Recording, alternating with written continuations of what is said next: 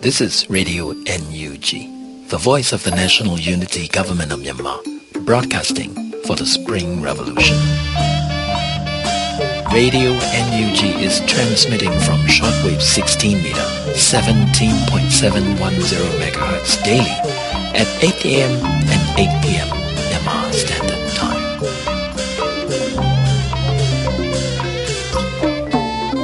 မင်္ဂလာပါခင်ဗျာအမျိုးသားညီညွတ်ရေးအစိုးရရဲ့အသံလွှင့်ဌာနကမြန်မာစံတော်ချိန်မနေ့၈နာရီတစ်ချိန်ည၈နာရီတစ်ချိန်လိုင်းလိုမီတာ16 19.8 MHz မှာ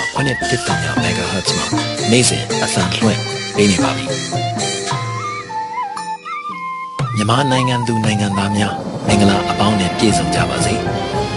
ခုချိန်ကစပြီး Radio NUG အစီအစဉ်လေးကိုဓာတ်ရိုက်အသံလွှင့်ပေးနေပါပြီ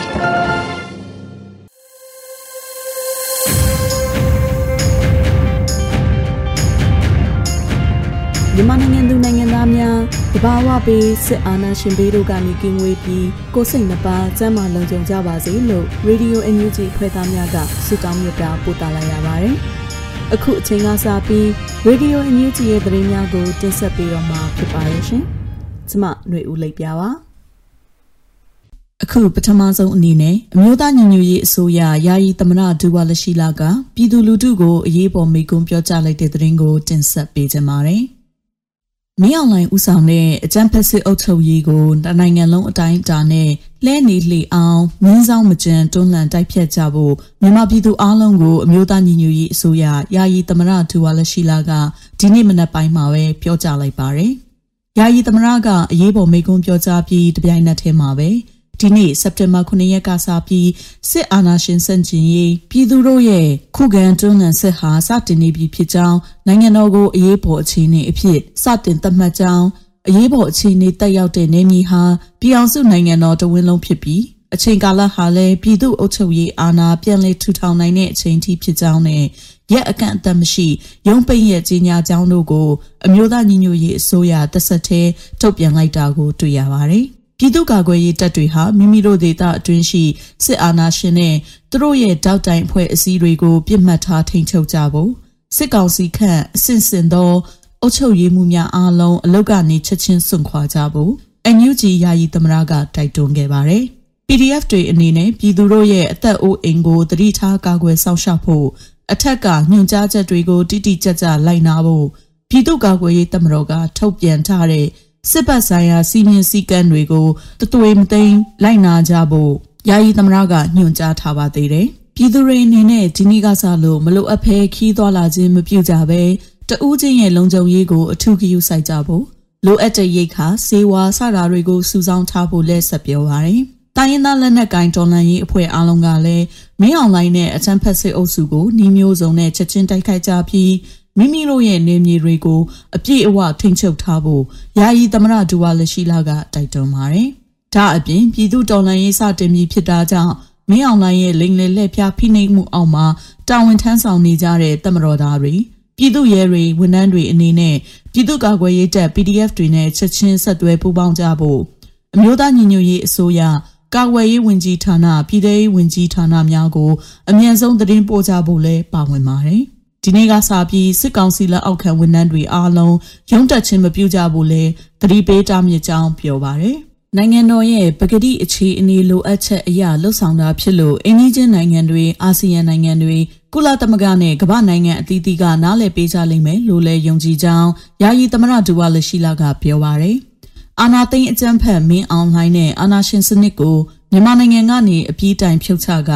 တည်ငြိမ်အေဂျင့်ပြည်တိုင်းရင်းသားပြည်သူများအားလုံးစောင့်မျှော်ခဲ့တဲ့ဒန်းတူအခွင့်အရေးကိုအပြည့်အဝအာမခံတဲ့ Federal Democracy စနစ်ကိုထူထောင်က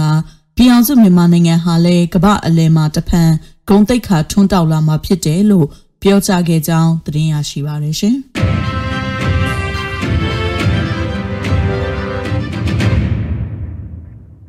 ဆက်လက်ပြီးအမျိုးသားညီညွတ်ရေးအစိုးရကာကွယ်ရေးဝန်ကြီးဌာနကတော်လှန်ရေးစစ်သည်တွေအားလုံးစစ်မြေပြင်မှာလိုက်နာရမယ့်စီကံချက်တွေကိုထုတ်ပြန်လိုက်တဲ့သတင်းကိုတင်ဆက်ပေးမှာဖြစ်ပါတယ်။တော်လှန်ရေးစစ်သည်တွေအားလုံးစစ်မြေပြင်မှာလိုက်နာရမယ့်စီကံချက်တွေကိုအမျိုးသားညီညွတ်ရေးအစိုးရကာကွယ်ရေးဝန်ကြီးဌာနက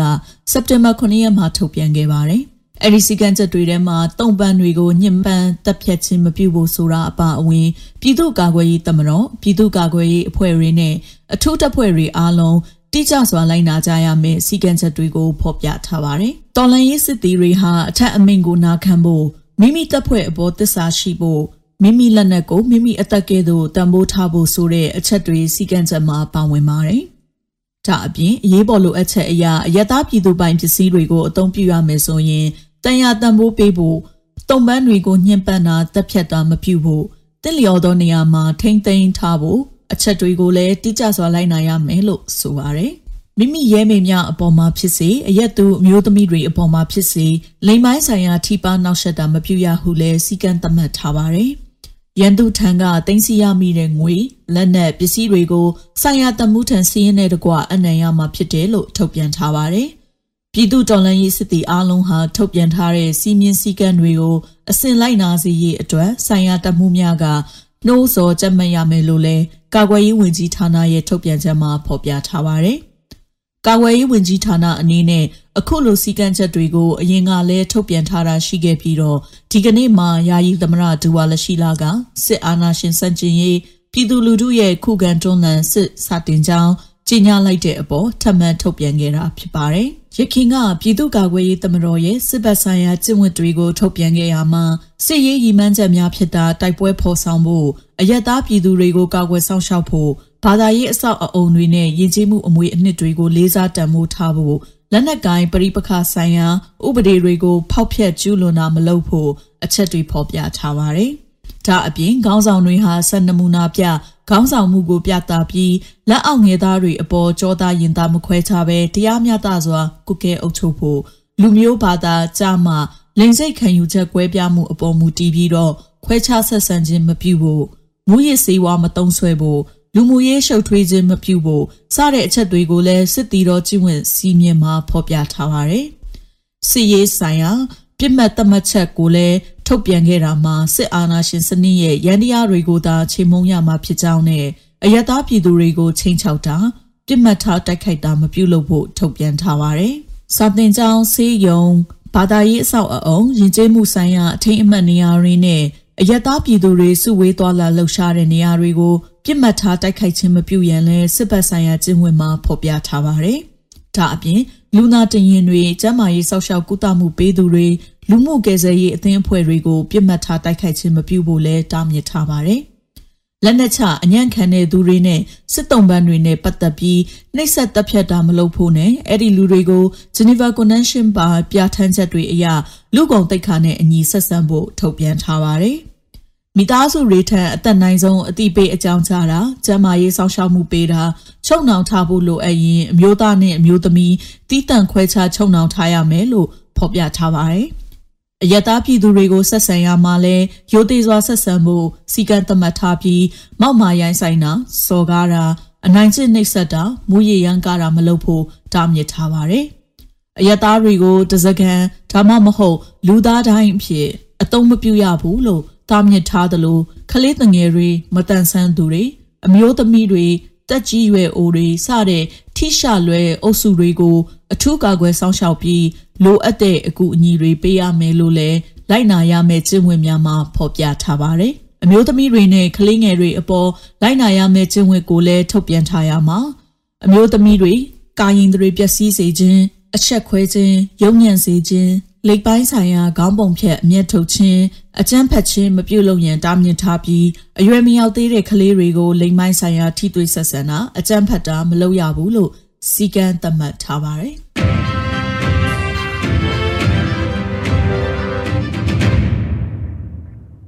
အခုနောက်ဆုံးအနေနဲ့အမျိုးသားညီညွတ်ရေးအစိုးရပုံမှန်အစည်းအဝေး22မြင်းဆောင်2021ကိုကျင်းပပြုလုပ်ခဲ့တဲ့တဲ့တင်ကိုတင်ဆက်ပေးကြပါမယ်။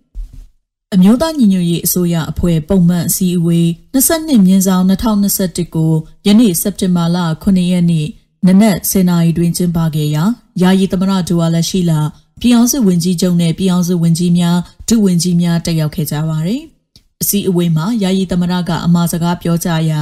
ပြည်သူလူထုမျှော်လင့်တောင်းတနေတဲ့စတင်လှုပ်ဆောင်ရမည့်အလုပ်တစ်ခုကိုယနေ့လှုပ်ဆောင်လိုက်ပြီးဖြစ်ကြောင်း အစိုးရအဖွဲ့ဝင်ဝင်ကြီးတွေအနေနဲ့လိုအပ်ရင်ကြားဖြတ်အစည်းအဝေးတွေပြုလုပ်ပြီးတာဝန်မလစ်ဟင်းရအောင်ဆောင်ရွက်ရမှာဖြစ်ကြောင်းပြည်သူတွေရဲ့လိုအပ်ချက်တွေကိုကဏ္ဍအလိုက်အတက်နိုင်ဆုံးဖြည့်ဆည်းဆောင်ရွက်သွားကြရန်လိုအပ်ကြောင်းတို့ကိုပြောကြားခဲ့ပြီးပြည်အောင်စုဝန်ကြီးချုပ်ကပြည်သူတွေရဲ့ညီညီညာညာရင်ဆိုင်နိုင်မှုစွမ်းအားနဲ့အတူတက်ညီလက်ညီစစ်ကောင်းစီကိုအမြင့်ဖြတ်ချေမှုန်းရမယ့်အချိန်ရောက်လာပြီဖြစ်ကြောင်းဒီကာလဟာတိုရင်လဲတိုနိုင်ကြောင်းရှေကောင်းလဲရှေနိုင်ကြောင်း ပြည်သူနဲ့အတူတရားတဲ့ရက်တီရင်ဆိုင်ပေးကြတဲ့မိတ်ဆွေတိုင်းရင်းသားလက်နက်ကိုင်ဖွဲ့အစည်းတွေကိုလည်းကျေးဇူးတင်ကြောင်းအခုအချိန်မှာပြည်သူဘက်ကနေမရက်တီကြဘူးဆိုရင်ပြေးစရာအမြင်မရှိတော့ဘူးဆိုပြီးနားလည်လာမဲ့စစ်တပ်နဲ့ရဲဝန်ထမ်း CDM လုပ်ပြီးပူးပေါင်းလာနိုင်မှုအတွက်လဲ NUG ကလမ်းဖွင့်ထားကြောင်းပြည်သူတွေဟာတော်လန်ရေးကိုအောင်နိုင်ရမယ်စိတ်နဲ့ကဏ္ဍပေါင်းစုံကနေနှီးမျိုးစုံနဲ့တော်လန်ခဲ့ကြရက အခုအဆုံးသက်တိုက်ပွဲဆင်နွှဲကြရမည့်အချိန်ဖြစ်ကြောင်းကျွန်တော်တို့အစိုးရအဖွဲ့အနေနဲ့ဒီလိုအရေးပေါ်ကာလမှာတမရာကြီးရဲ့မိန့်မှာချက်အတိုင်းတစ်ဖက်ကလည်းပြည်သူများကိုကာကွယ်ဆောင်ရှောက်ကူညီပေးနိုင်ဖို့ကြိုးစားရင်းတစ်ဖက်ကလည်းအကြမ်းဖက်စစ်တပ်ဖျက်ဆီးခဲ့သောတိုင်းပြည်ရဲ့အုပ်ချုပ်ရေးရန်တရားကိုပြန်လည်ထူထောင်နိုင်ရေးအတွက်လည်းဝင်ကြီးဌာနအလိုက်ကြိုတင်ပြင်ဆင်ဆောင်ရွက်ကြရမည်ဖြစ်ကြောင်းတွေကိုပြောကြားခဲ့ပါတယ်။ ဆက်လက်ပြီးဝင်ကြီးဌာနတွေကတက်ဆိုင်ရာကဏ္ဍအလိုက်ဆွေးနွေးတင်ပြကြရာလူသားချင်းစာနာထောက်ထားရေးနဲ့ဘေးအန္တရာယ်ဆိုင်ရာစီမံခန့်ခွဲရေးဝင်ကြီးဌာနကပြည်သူ့ရင်ခွင်ခိုလုံလေးအစီအစဉ်စီမံချက်အတွက်ရမုံငွေတရက်ထူထောင်ရန်တင်ပြဆွေးနွေးခြင်းကျန်းမာရေးဝန်ကြီးဌာနက COVID-19 ကိစ္စလက်တလောစီမံချက်တွေကိုရှင်းလင်းတင်ပြခြင်းအမျိုးသမီးလူငယ်နဲ့ကလေးငယ်ရေးရာဝန်ကြီးဌာနက တော်လန်ရေးအတွက်ပူးပေါင်းဆောင်ရွက်မဲ့ကိစ္စတွေကိုတင်ပြပြီးအလုသမားရေးရာဝန်ကြီးဌာနကစီးပွားရေးပိတ်ဆို့မှုနဲ့ပတ်သက်ပြီးသဘောထားတရက်ချမှတ်ထားရန်တင်ပြဆွေးနွေးကြပြီးအစည်းအဝေးကိုနေ့လယ်7:00နာရီမိနစ်30မှာရန်နာလိုက်တယ်လို့သတင်းရရှိပါရယ်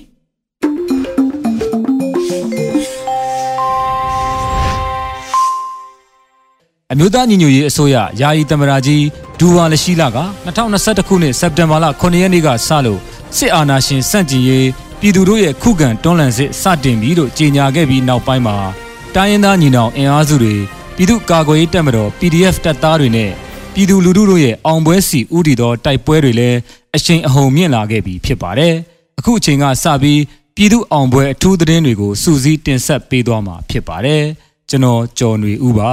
။အခုပထမဆုံးတင်ဆက်ပေးမှာကတော့တနင်္သာရီတိုင်းမှာ KNU တပ်မဟာ၄နဲ့စစ်ကောင်စီတို့တိုက်ပွဲဖြစ်ပွားခဲ့တဲ့တဲ့တင်ဖြစ်ပါတယ်။တနင်္သာရီတိုင်း KNU တပ်မဟာ၄ရဲ့နေရာနှစ်ခုမှာဒီကနေ့နနက်ပိုင်းကစစ်ကောင်စီစစ်ကြောင်းများနဲ့တိုက်ပွဲတွေစတင်ဖြစ်ပွားနေပါတယ်။တရက်ချောင်းမြို့နယ်တောင်ပြောက်တိုက်နယ်အတွင်းသို့ဝင်ရောက်လာတဲ့စစ်ကောင်စီတပ်များနဲ့ယနေ့9နာရီခွဲခန့်မှာအပြန်အလှန်ပစ်ခတ်နေကြတယ်လို့ဒေသခံတချို့ကဆိုပါတယ်။ဘယ်အဖွဲ့နဲ့ပစ်ခတ်မှုဖြစ်နေတာကိုတော့မသိရသေးပေမဲ့ KNU အဖွဲ့တွေတက်သွားတာဖြစ်ကြောင်း၎င်းဒေသခံကအတည်ပြုပါတယ်။ ပလောမြို့နယ်အတွင်းရှိဒူးရင်ပင်ဆောင်ကြေးရွာအုပ်စုမှာလည်းနနက်၈နာရီခန့်ကစစ်ကောင်စီတပ်များနဲ့ KNU တို့အကြားတိုက်ပွဲဖြစ်ပွားခဲ့ပြီးစစ်ကောင်စီဘက်ကအခြေအနေမလှတာကြောင့်စစ်ကူထက်လွတ်နေရတယ်လို့သိရပါတယ်။ KNU တပ်မဟာလေးအနေနဲ့စစ်ကောင်စီနဲ့ထိတွေ့တိုက်ပွဲနှဲပါခဲ့ပေမဲ့ NUG ကပြည်သူ့ခုခံတော်လှန်စစ်စတင်ကြောင်းကြေညာခဲ့တဲ့ဒီနေ့မှာတော့တိုက်ပွဲတွေစတင်ဖြစ်ပွားလာတာတွေ့ရပါတယ်။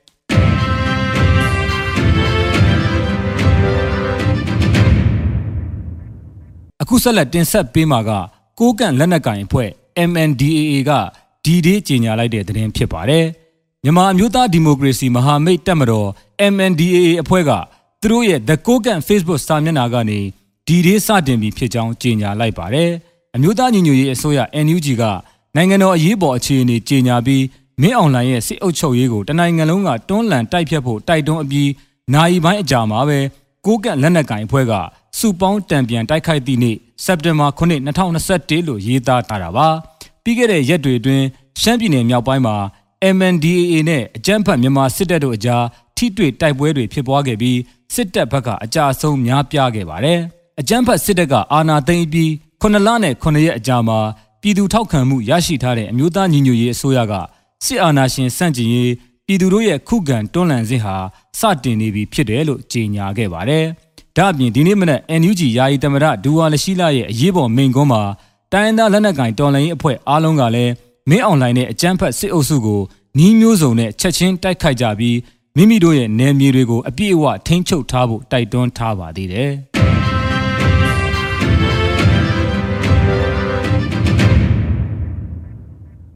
ဆက်လက်တင်ဆက်ပေးမှာကတော့ ကလေးခရိုင်မှာရှိတဲ့ဒေသခံအချို့ရဲ့နေအိမ်နဲ့ပစ္စည်းတွေကိုစစ်ကောင်စီတပ်ကမိရှို့ဖျက်ဆီးခဲ့တဲ့တဲ့တင်ဖြစ်ပါတယ်။စကိုင်းနိုင်ဒေသကြီးကလေးခရိုင်ကုတ်ကိုအုပ်စုနတ်ထူးတောတိုက်မှာအရက်သားမိသားစုရဲ့နေအိမ်တစ်လုံးကိုအကြမ်းဖက်စစ်ကောင်စီတပ်ကစက်တင်ဘာလ6ရက်နေ့လယ်12နာရီခန့်မှာမိရှို့ဖျက်ဆီးသွားတယ်လို့ဒေသခံကပြောပါတယ်။ဆိုင်ကယ်ကိုလည်းဖျက်ဆီးသွားတယ်။အိမ်လည်းမီးလောင်သွားတယ်။အဲ့ဒါအပြင်တောင်သူတွေလောက်ကင်စားတောင်းမဲ့လှဲကိုလည်းအကြောင်းမဲ့မိရှို့သွားတယ်ဟုဒေသခံအမျိုးသမီးတဦးကပြောပါတယ်။ စစ်ကောင်စီတပ်တွေဟာကလေးမြို့နယ်တွေကကြေးရွာတွေကိုဝင်ရောက်မှွေနှောက်ပြီးပြည်သူလူထုတွေကိုဖမ်းဆီးတာနေအိမ်တွေဖျက်ဆီးတာပစ္စည်းတွေယူမြင်တာတွေလှုပ်ဆောင်နေတဲ့အပေါ်ဒေသခံပြည်သူ့ကာကွယ်တပ်ဖွဲ့ PDF ကလည်းခုခံတော်လှန်နေရတာဖြစ်ပါတယ်။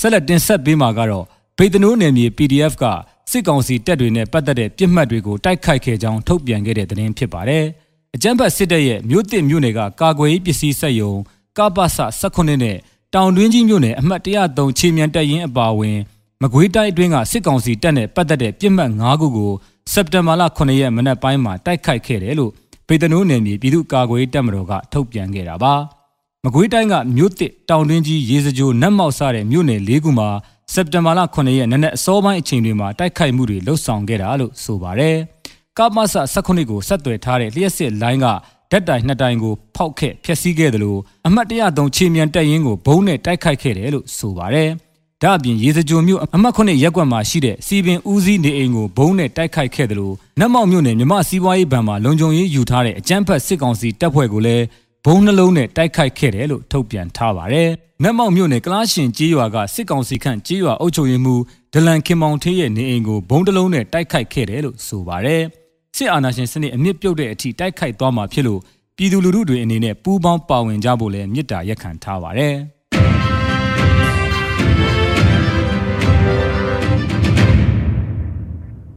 ဆက်လက်တင်ဆက်ပေးမှာကတော့လွိုက်ကော်ဒီမော့ဆိုကြားတက်ဆွဲထားတဲ့စစ်ကောင်စီတပ်ကိုခုခံတိုက်ခိုက်နေဟု KNDF ကထုတ်ပြန်ခဲ့တဲ့သတင်းဖြစ်ပါတယ်။အေးအပြည်နယ်လွိုက်ကော်နဲ့ဒီမော့ဆိုမြို့နယ်အကြားမှာရှိတဲ့ဒေါ်ပိုးစီကျေးရွာအနီးလာရောက်တက်ဆွဲထားတဲ့စစ်ကောင်စီတပ်တွေကို ကရင်နီအမျိုးသားကာကွယ်ရေးတပ်ဖွဲ့ KNDF တပ်ရင်းတွေကဒီနေ့မွန်းလွဲပိုင်းမှာခုခံတိုက်ခိုက်နေတယ်လို့ KNDF ကသတင်းထုတ်ပြန်ပါတယ်။အမျိုးသားညီညွတ်ရေးအစိုးရရဲ့အရေးပေါ်အခြေအနေကြီးညာမှုအပြီးမှာတိုင်းရင်းသားပြည်နယ်တွေမှာတိုက်ပွဲတွေအရှိန်မြင့်လာပြီးတနိုင်ငံလုံးအတိုင်းအတာနဲ့အကြမ်းဖက်စစ်ကောင်စီတပ်တွေကစစ်ရေးလှုပ်ရှားမှုတွေပြုလုပ်လာနေသလိုနိုင်ငံတော်ဝန်မှာရှိတဲ့ပြည်သူ့ကာကွယ်ရေးတပ်ဖွဲ့တွေကလည်းစစ်ရေးပြင်ဆင်မှုတွေနဲ့စစ်ရေးလှုပ်ရှားမှုတွေကိုကြည်ကြဲပြန့်ပြန့်လှုပ်ဆောင်လာလျက်ရှိတယ်လို့ထုတ်ပြန်ထားပါတယ်။ KNDF အနေဖြင့်လဲတိုင်းရင်းသားတော်လှန်ရေးလက်နက်ကိုင်အဖွဲ့အစည်းတွေနဲ့အတူစစ်အာဏာရှင်စနစ်ကိုအမြင့်ပြတ်ချေမှုန်းရေးအတွက်ပြည်내တဝင်းစစ်ကောင်စီတပ်တွေကိုတွန်းလှန်တိုက်ခိုက်နေတာကြောင့် PND ပြည်သူလူထုတွေအနေနဲ့စိုးရိမ်ထိတ်လန့်ခြင်းမရှိဘဲလုံခြုံရေးသတိရှိကြဖို့နဲ့စစ်အာဏာရှင်စနစ်ကိုအမြင့်ပြတ်ချေမှုန်းရေးအတွက်တော်လှန်ရေးတပ်ဖွဲ့တွေနဲ့အတူပူးပေါင်းတွန်းလှန်တိုက်ခိုက်ဖို့တိုက်တွန်းနှိုးဆော်ကြောင်း KNDF ကထုတ်ပြန်ခဲ့ပါတယ်။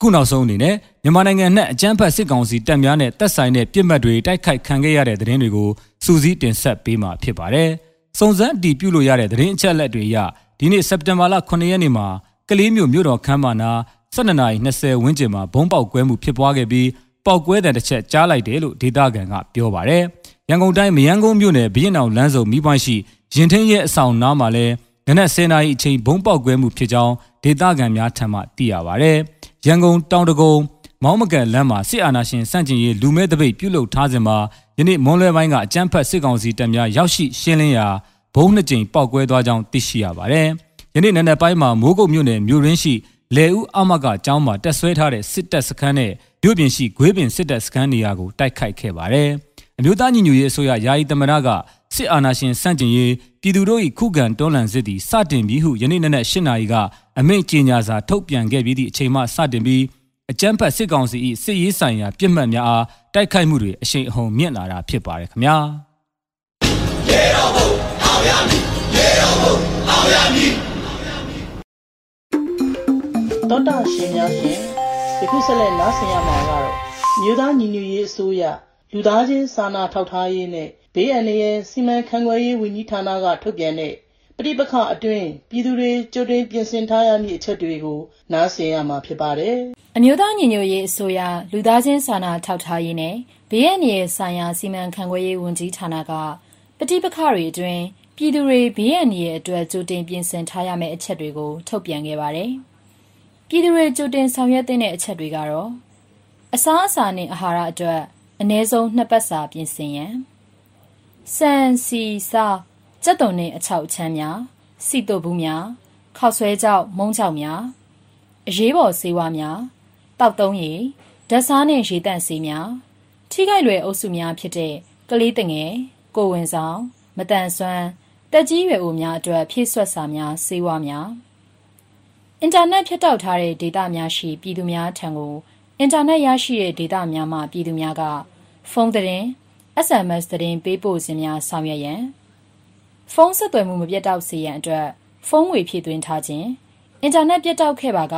ငွေထက်မှန်ဖြည့်သွင်းနိုင်ရန်အတွက်ငွေဖြည့်ကပ်များကြိုတင်ဝယ်ယူထားရန် CDMA ဖုန်းကင်ဆောင်သူများဖြစ်ပါကငွေကြိုတင်ဖြည့်သွင်းထားရန်နေရောင်ဖြင့်အားသွင်းနိုင်သည့်လက်နှိပ်ဓမီ LED မီးအိမ်များဘက်ထရီများစောင့်ထားရန်မိသွေးမိဖို့အသုံးပြုသူများအတွက်လိုအပ်သည့်လောင်စာ gas မိဖို့အသုံးပြုသူများအတွက် gas ဘူးများကြိုတင်ဖြည့်ဆည်းထားရန်တကူစားအရေးပေါ်အိတ်ပြင်ဆင်ထားရန်ဘေးရန်နေရာများနှင့်ပတ်သက်သည့်သတင်းကိုမပြတ်နားဆွင့်ထားရန်မိမိနေထိုင်ရာနေရာတွင်ကြားရောက်နိုင်သည့်ဘေးရန်နေရာများကိုမိသားစုဝင်များနှင့်ကြိုတင်ဆွေးနွေးထားပြီးအရေးပေါ်အခြေအနေတွင်တဦးချင်းစီကဆောင်ရွက်မိလုပ်ငန်းများကိုကြိုတင်သတ်မှတ်ပေးထားရန်နေအိမ်တွင်ဘေးကင်းအလုံးစုံဆုံးနေရာကိုကြိုတင်သတ်မှတ်ထားပြီးမိသားစုဝင်များကိုအသိပေးထားရန် နေအိမ်ကိုစွန့်ခွာရမည့်အနေအထားရှိမရှိကိုသက်ဆိုင်ရာအရေးပေါ်တုံ့ပြန်ရေးအဖွဲ့များနှင့်ချိတ်ဆက်သတင်းရယူရန်အရေးပေါ်အခြေအနေများတွင်သတင်းအချက်အလက်ရယူနိုင်မည့်နည်းလမ်းများအချင်းချင်းဆက်သွယ်နိုင်မည့်နည်းလမ်းများကိုကြိုတင်ပြင်ဆင်ထားရန်လက်နက်ငယ်ဖြင့်ပြစ်ခတ်ခံရနိုင်သည့်ဒေသများရှိအယက်သားပြည်သူများအတွက်သတိပြုရန်အချက်များလက်နက်ငယ်ပြစ်ခတ်သည့်နေရာများတွင်ကွန်ကရစ်နေအိမ်ဖြစ်ပါက နေအိမ်ဤအတွင်းပိုင်းအကျဆုံးနှင့်လုံခြုံဆုံးအခန်းတစ်ခုကိုသတ်မှတ်ထားရန်မှန်ကာထားသည့်အခန်းအပြင်ဘက်နှင့်ထိစပ်နေသည့်အခန်းမျိုးကိုအသုံးမပြုရန်ဖြစ်နိုင်မှာကအဆိုပါအခန်းတွင်စံအိမ်များ၊တဲအိမ်များ၊ဘီလက်မြေအိမ်များစသည်တို့ကိုအသုံးပြု၍ပုံအောင်စရာနေရာဖန်တီးထားရန်ပြစ်ခတ်တံများအဆက်မပြတ်ကြားရပါကခိုင်ခန့်သည့်ကတင်စပွဲများအောက်တွင်အကာအကွယ်ယူ၍ပုံအောင်ရန်။ ပြစ်ခတ်တံများရက်တန့်သွားသည့်အထိငြိမ်သက်စွာပုံအောင်ခိုလုံရန်နှင့်မဖြစ်မနေနေရရွှေ့ပြောင်းရန်လိုအပ်ပါကတွားသွား၍နေရရွှေ့ရန်ကိုခန္ဓာနှင့်ခေါင်းပေါ်သို့ပြုတ်ကျနိုင်သည့်အရာများကိုသတိပြု၍ရွှေ့ပြောင်းရန်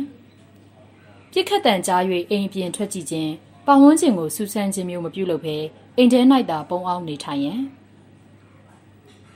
မိမိနေအိမ်သည်လုံခြုံမှုမရှိပါကအနည်းဆုံးရှိခိုင်ခန့်သည့်အဆောက်အအုံသို့တတိဝရိယရှိစွာအမြင့်ဆုံးပြောင်းရွှေ့ရန်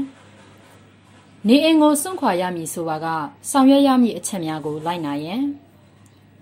မိမိနေအိမ်သည်အဝင်အထွက်လမ်းမကျော်တွင်တည်ရှိပါကလုံခြုံရေးကိုပုံမွေ၍ဂရုစိုက်ပြင်ဆင်ရန်နေအိမ်ကိုစွန့်ခွာရမည်ဆိုပါကဆောင်ရွက်သင့်သည့်အချက်များနေအိမ်ရှိမိခလုံများကိုပိတ်ထားရန်နှင့်မင်းခလုတ်များကိုချရန်အချိန်ရပါကရေတိုင်ကြီးများရေစီများကိုရေဖြည့်ထားခဲ့ရန် တံမိုးကြီးပစ္စည်းများရှိပါကနေအိမ်တကားတော့များကို ပိတ်ထားခဲ့ရန်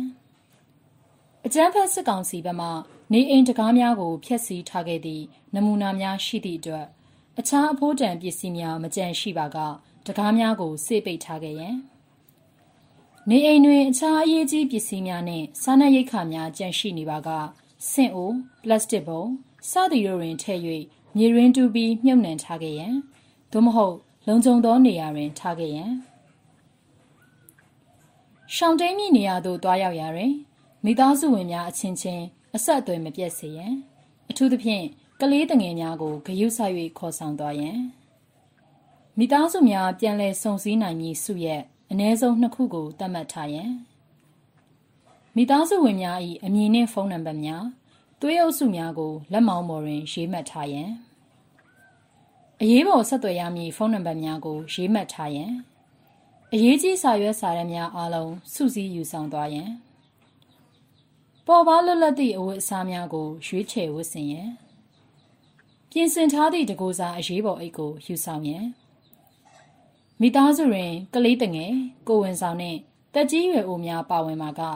၎င်းတို့အတွက်လိုအပ်သည့်အစားအစာစေဝါတို့ကိုထည့်သွင်းယူဆောင်ရန် လက်နက်ကြီးဖြင့်ပစ်ခတ်ခံရနိုင်သည့်ဒေသများရှိအရက်သားပြည်သူများအတွက်သတိပြုရန်အချက်များမိမိနေအိမ်အနီးတွင်လက်နက်ကြီးပစ်ခတ်တံကျဲလောင်စွာကြားရပါက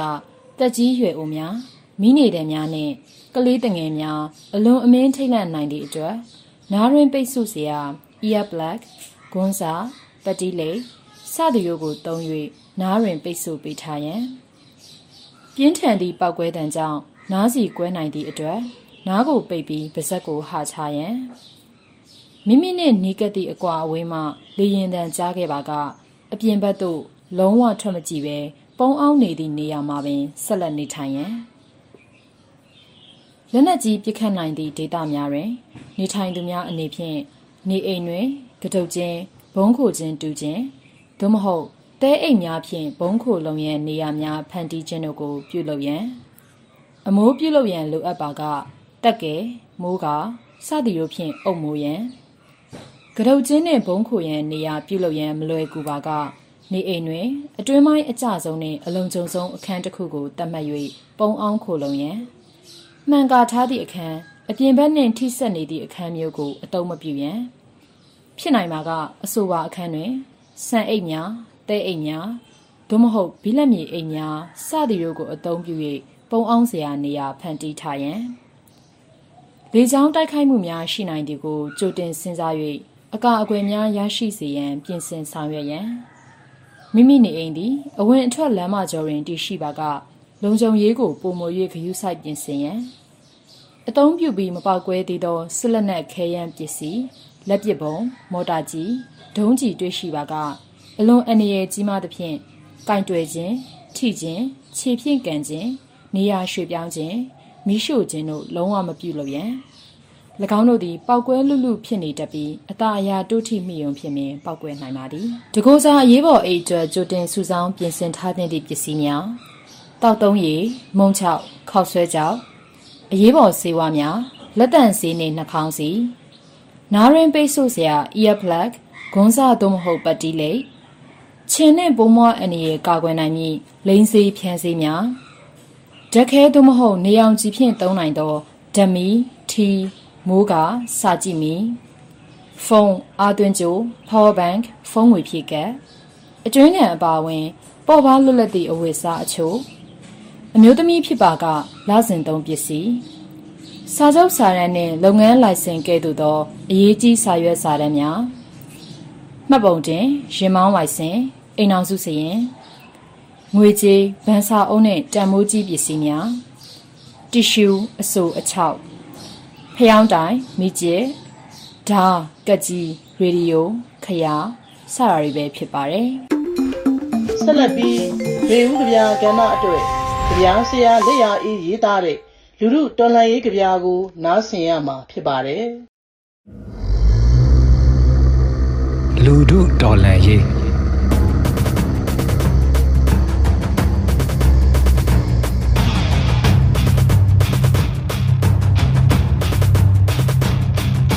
ပျော်ကန်တဲ့အကြံအသင့်တူခဲ့ပြီပဲတော်လှန်မဲ့အလံလွင့်ထူဖို့ပဲကြံတော့တယ်အလံအမြန်လွင့်လို့အားလုံးဟာအသင့်အနေထားနဲ့နားဆွင့်ထားကြတယ်တိတ်ခါငတ်နေတဲ့မိစ္ဆာတက်ဟာသူ့အလိုလိုရိတ်ခါပြက်စေရမယ် ပြည်သူနဲ့သွေးတိုးဆမ်းပြီးစစ်ဖြစ်တော့ဒင်းတို့သာခွေးမျိုးတွေကမ်းပြီးပြေးစရာလမ်းလဲမသိလွတ်စရာလမ်းလဲမရှိနိုင်တော့ဘူးဖတ်ငိုစရာဘသူမှအသက်အပူမပါလဲဒီတပွဲမှာအာတင်းနှွဲလို့တာချင်းတို့ရဲကြမယ်